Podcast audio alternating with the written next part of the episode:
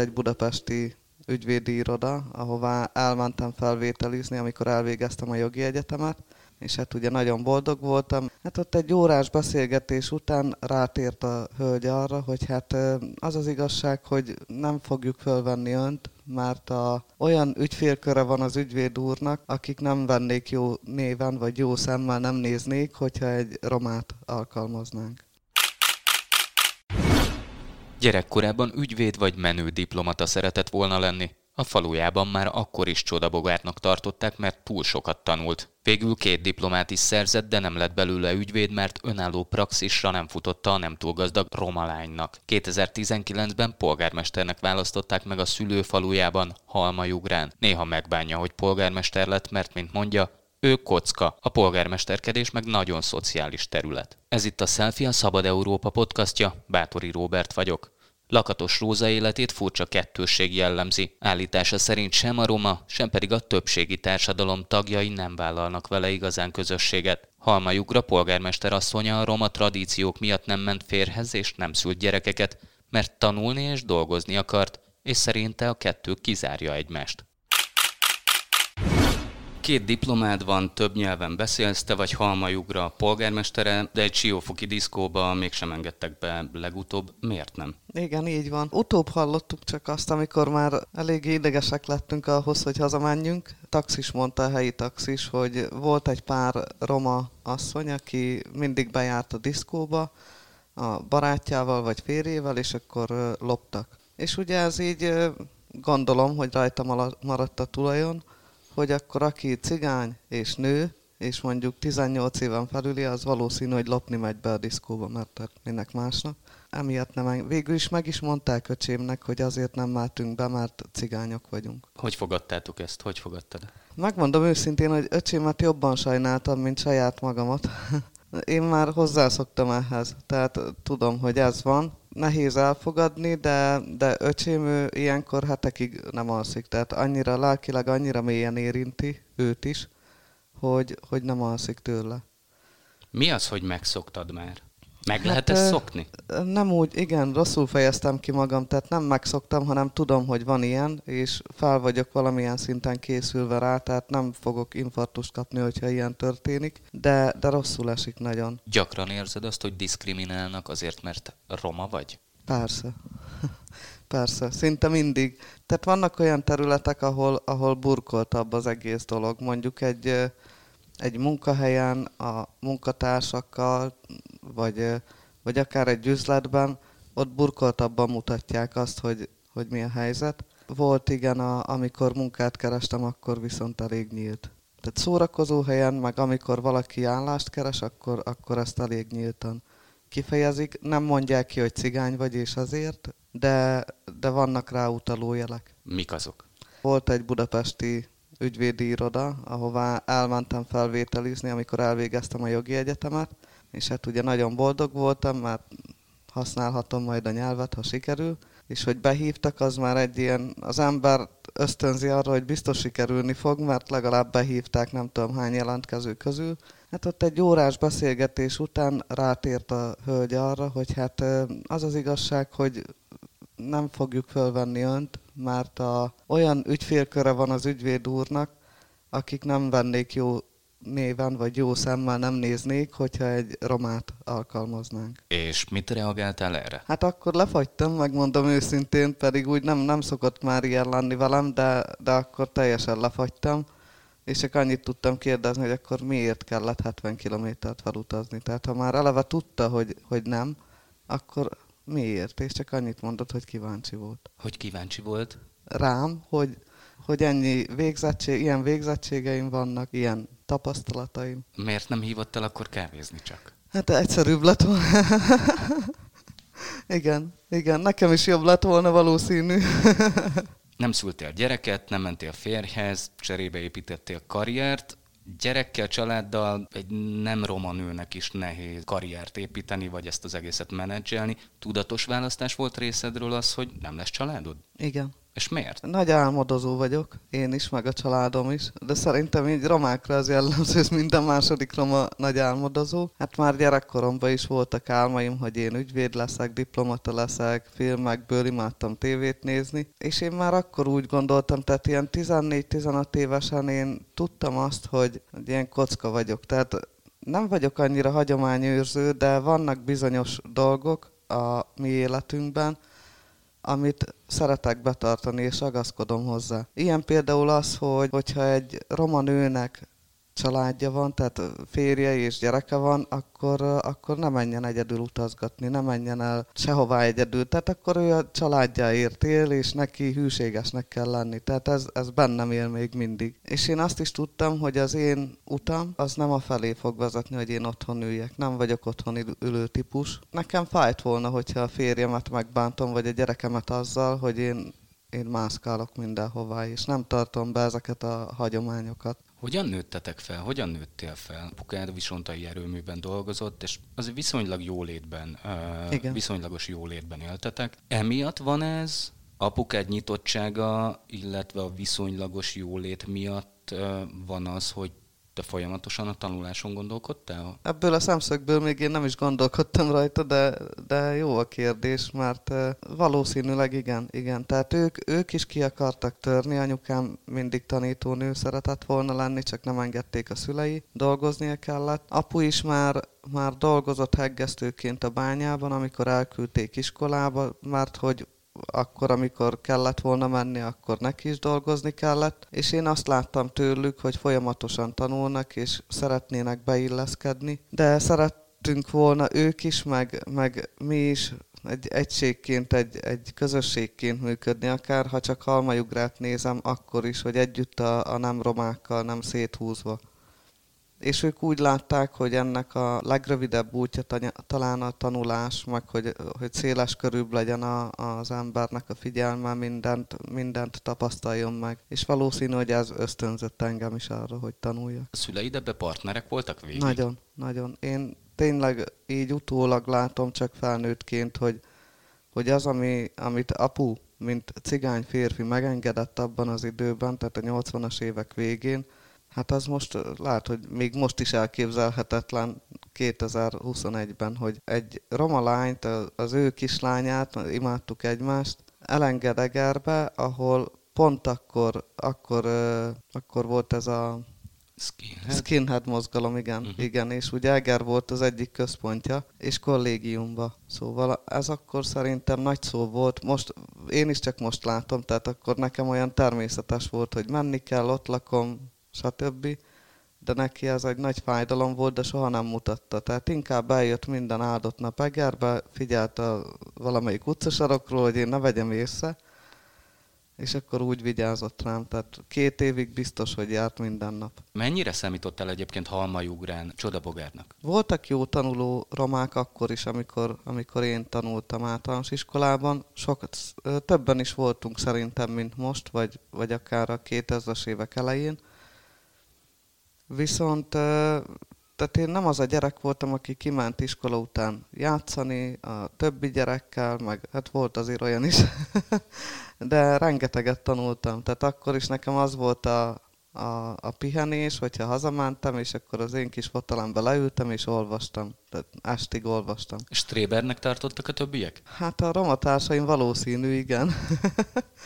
a többiek nem. Aztán volt egy ilyen, hát egy harc a nem romákkal szemben. Érdekes, mert akkor még nem éreztük úgy gyerekként, hogy, hogy van ez a diszkrimináció, de az, amikor valaki jobb jegyet kapott, mint én, akkor az engem kikészített, és addig tanultam, amíg, amíg utól nem értem. És aztán, mikor nyolcadikba, illetve igen, iskolaválasztás után továbbtanulásnál azt mondta a tanár, hogy ne menjek a közgazdaságiba, mert az nem nekem való, nem fogom kiárni, az úgy rátette a pontot az ire, és még jobban doppingolt, hogy nekem azt meg kell csinálni. Hogyan finanszírozta a család a tegri tanulmányaidat? Hát akkor már egy leheletnyivel jobban ment otthon a családi gazdaság, mint, mint mondjuk bátyámnál. Ő két évvel idősebb, mint én, és, és hát ott voltak gondok, amikor iskolába kellett neki járni anyagilag. Amikor én jártam, hát nekem nem voltak olyan nagy igényeim, hála Istennek, tehát nem,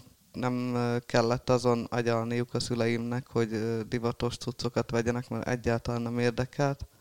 Tehát nem rongyokba jártam, de nem, nem is követtem a divatot soha. A kollégiumért kellett fizetni, úgyhogy hát mind a ketten vállaltak túl pótmunkát. Apu ugye hétvégén basszusgitározott Lagzikban, anyu meg eljárt takarítani nem romákhoz.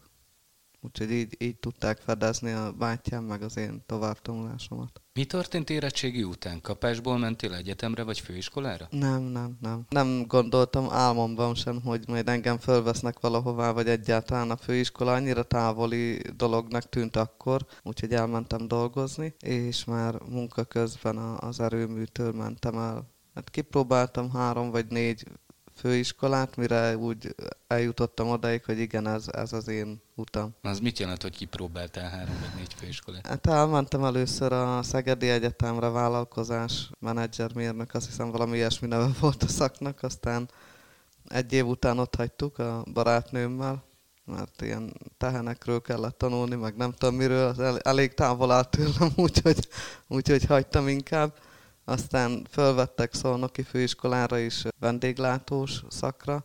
Oda nem mentem el, meggondoltam magam, aztán jártam a Miskolci Egyetem német nyelvtanári szakára. Ott meg az első fél évi vizsgáknál voltak nehézségek, és, és ez engem annyira lerombolt, hogy azt mondtam, hogy nem, én azt nem tudom csinálni. És akkor végül is a, a Zsigmond Király Főiskola nemzetközi szakára azt már nem hagytam ott.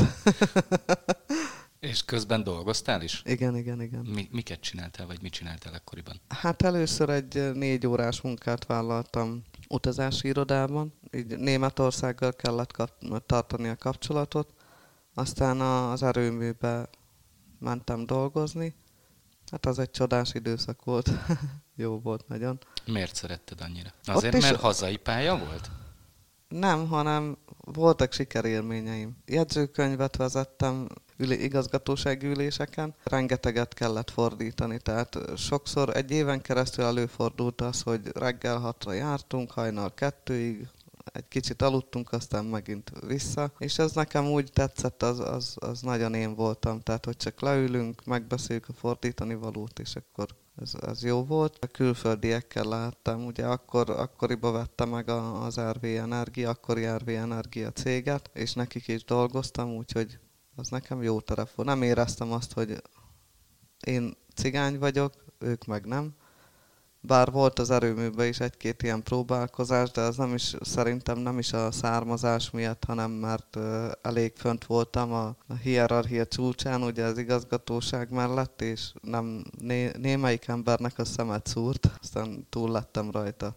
Igaz, hogy gyógyszerekkel, de túl lettem rajta. Hogy, hogy gyógyszereket? Ennyire kikészített Igen. az, hogy néhányan azt mondták, hogy, hogy a francba kerülhetél ilyen magas polcra? Konkrétan volt egy névtelen levél, azzal kezdődött az egész. Azt hiszem, hogy 97-ben talán akkor már egy éve ott dolgoztam, és volt egy névtelen levél, hogy a főnök szeretőjének lenni nem rang. Hát ennek közelem volt az igazsághoz. Én nagyon szerettem a főnökömet, egy nagyon jó szociális érzékenységű ember, és semmi köze nem volt az igazsághoz.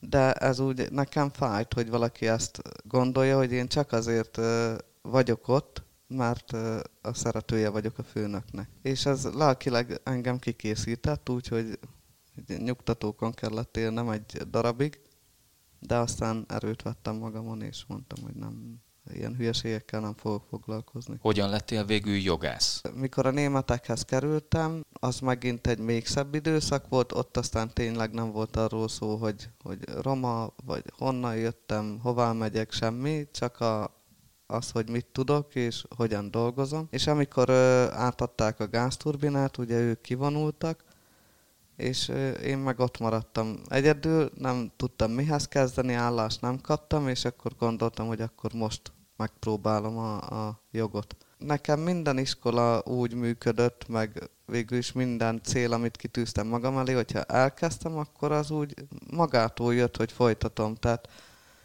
sokan mondják azt, hogy biztos nagyon nehéz volt, meg megterhelő, meg, meg hogy ezt, ez egy milyen nagy dolog. Én ezt nem így gondolom, tehát elkezdtem, ment magától, szerettem tanulni, úgyhogy ez számomra egyértelmű volt, hogy be is fejezem. Miért nem ügyvédként dolgozol? Gyöngyösen talán egy-két ügyvédi iroda van, ami, ami úgy jól megél.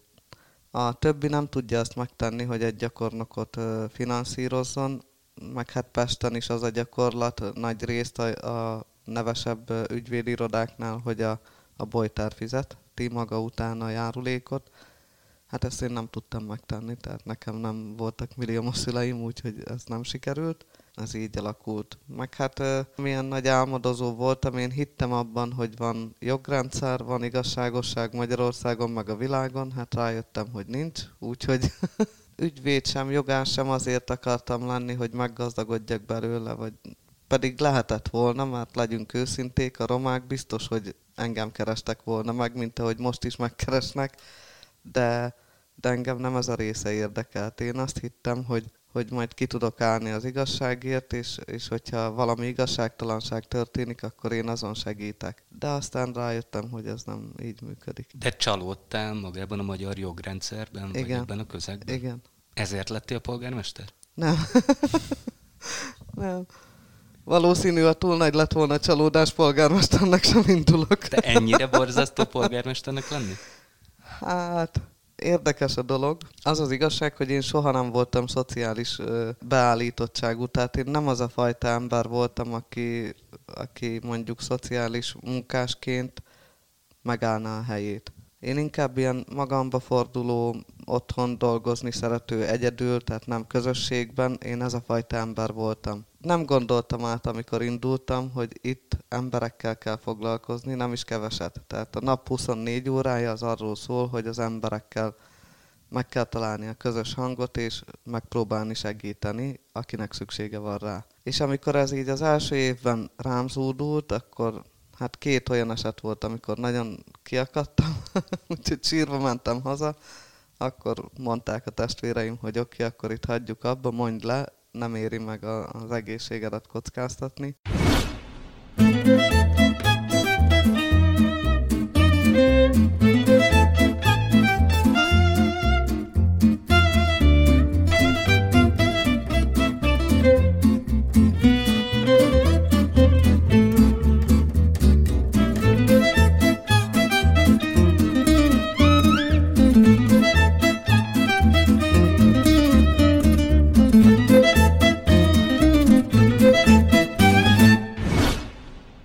Szelfit Lakatos Rózával, Halmajugra független polgármesterével, aki 2019 óta vezeti az 1200 fős, 90%-ban roma települést, bár néha-néha már megbánja, hogy polgármester lett.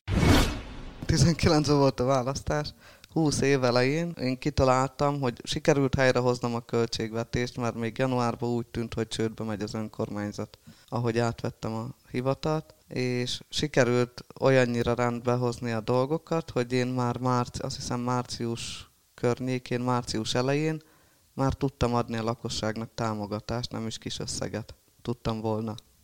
És én ezt kitaláltam, hogy akkor, akkor jött a vírus, hogy segítsünk az embereknek, hogy tudjanak bevásárolni, adok mindenkinek 50 ezer, nem mindenkinek, hanem minden családnak 50 ezer forint támogatást. Üléseztünk éppen, még akkor össze lehetett hívni a testületet, hogy akkor hogy legyen a, a kiosztása, kiknek adjunk, kiknek ne, stb. És csörgött a telefonom, fölhívtak, hogy jó lenne, hogyha nem osztanám én ki azt az 50 ezeret, mert más települések polgármesterei bajban vannak emiatt, mert néhány településen meghallották azt, hogy Halmajugrán pénzosztás van, és azt hitték a lakosok, az ottani lakosok, hogy ezt a kormány adja. És hogy akkor ők miért nem kapják meg a, az önkormányzattól ezt a pénzt.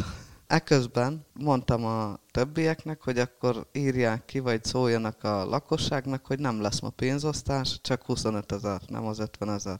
Na hát ezen annyira, annyira kiakadtak a, az emberek, hogy jöttek tüntetni még aznap. És én az egyik ilyen lakos, aki nem is az, hogy közel állt hozzám, de én azt hittem, hogy a barátom, és hogy segítjük egymást. Ő bejött, hogy hát ez így nem lesz jó, mert az emberek itt vannak, és hogy hogy képzelem én ezt, stb.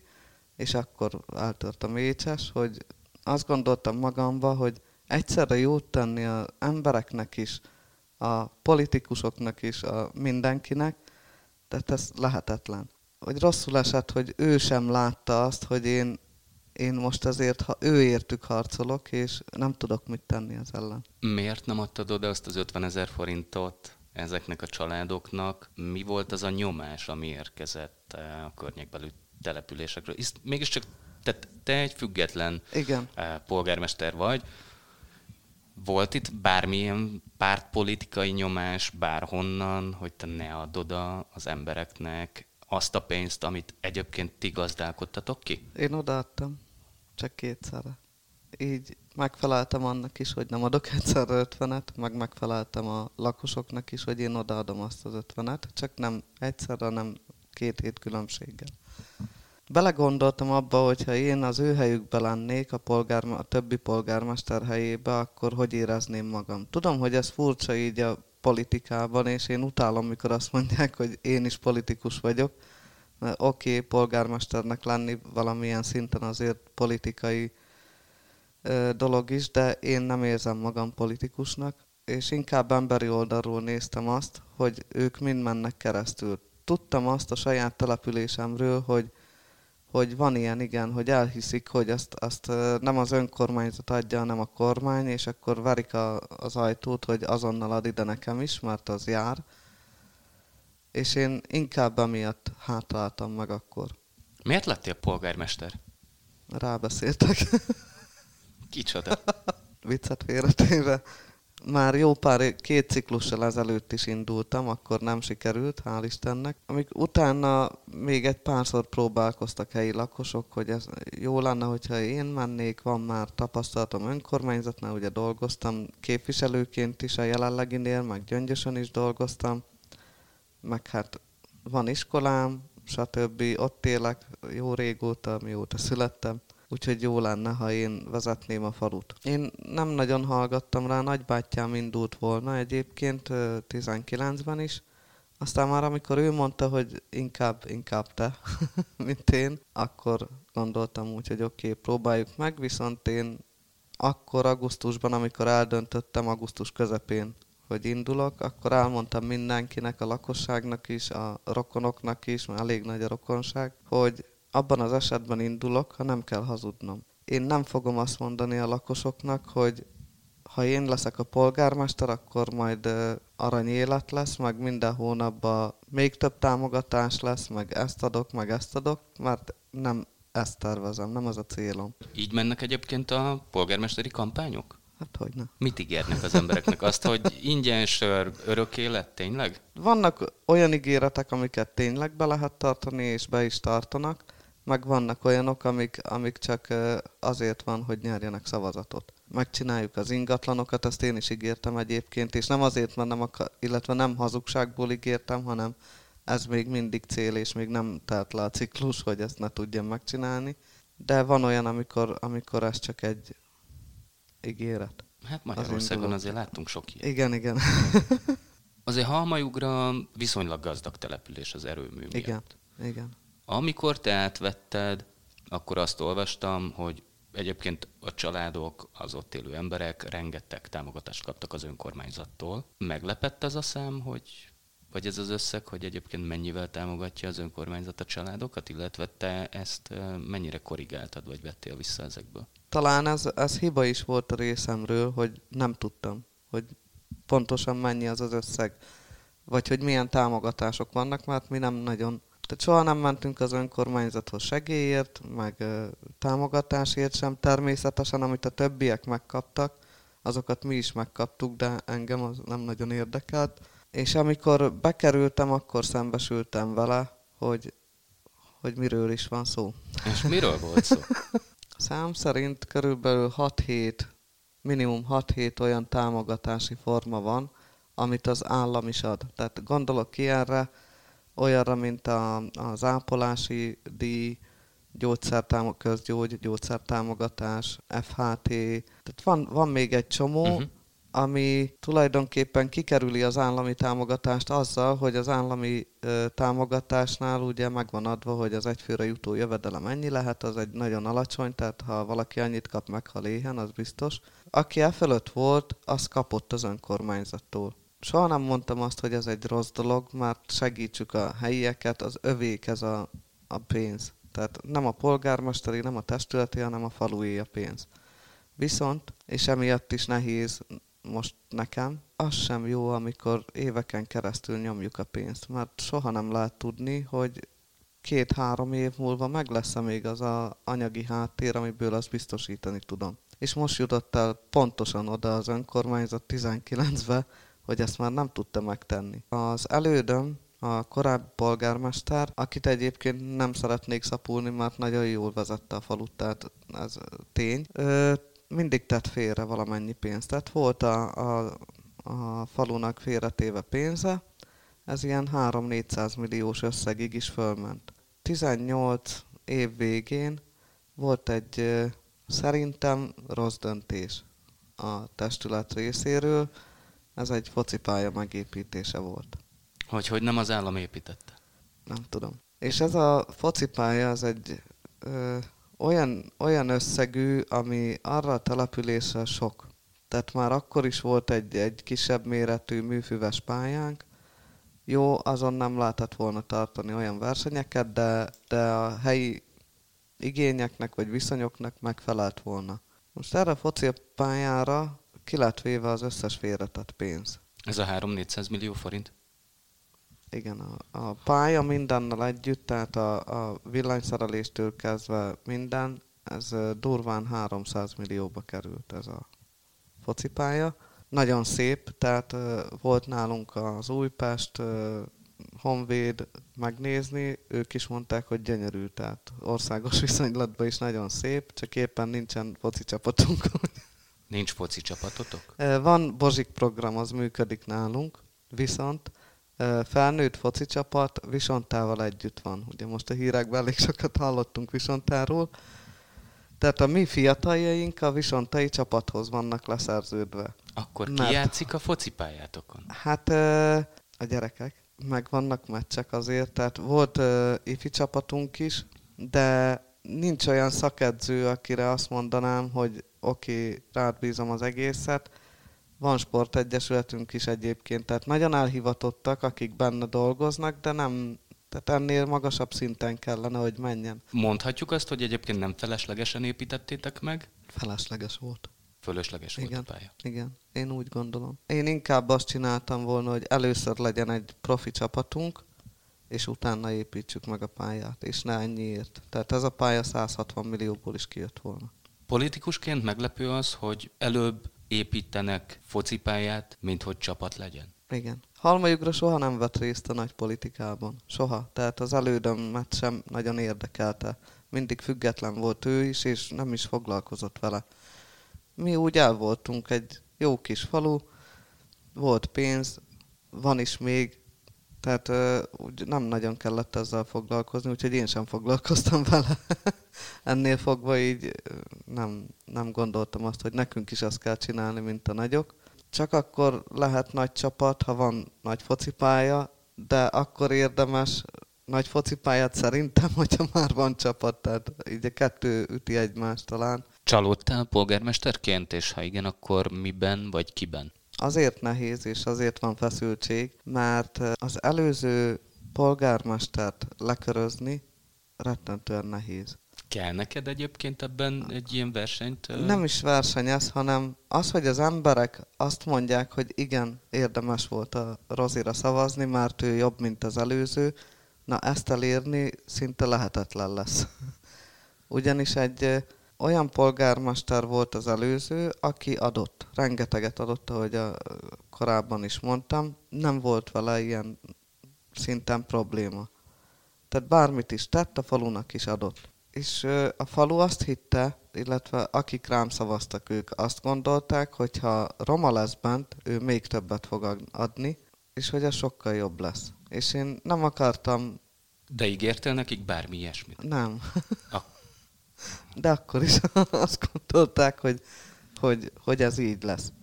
Én sem gondoltam, megmondom őszintén, hogy amikor barátaidról van szó, mert ugye egy településen érünk 46 éve, barátaid, rokonaid laknak ott, hogy talán nem, nem mindenki részéről a meggyőződés volt az, amikor behúzta az X-et a nevem mellé, hanem egy ilyen, nem azt mondom, hogy hátsó gondolat, hanem egy remény, hogy, hogy majd, majd én adok, adok, többet adok, mint ami eddig volt. Viszont én meg nem ezért indultam, és én naív módon azt hittem, hogy azért szavaztak meg, mert ők is hittek abban, amiben én, hogy nem kell mindent csak kifelé adni, hanem tenni is kell azért, hogy valaki kapjon valamit. De talán most már kételkedem benne, hogy ez volt az igazi oka annak az X-nek. Miért van az, hogy az emberek azt gondolják, hogy bármit kaphatnak ingyen? Nálunk Halmajugrán az emberek 70%-a képzett, tehát mindenkinek van valamilyen végzettsége, akár OK és is teljesen mindegy. Szépek a, a, az udvarok, tehát tényleg jó ott lakni. De az, amikor tehát ez olyan, mint egy gyerek, egy kisgyerek, hogyha én neki 20 éven keresztül milkacsokit adok, majd a 21. évben azt mondom, hogy bocs, de most már csak valami kis... Uh, Sportszelet van. én azt jobban szeretem. akkor, akkor elkezd hőbörögni, hogy most miért.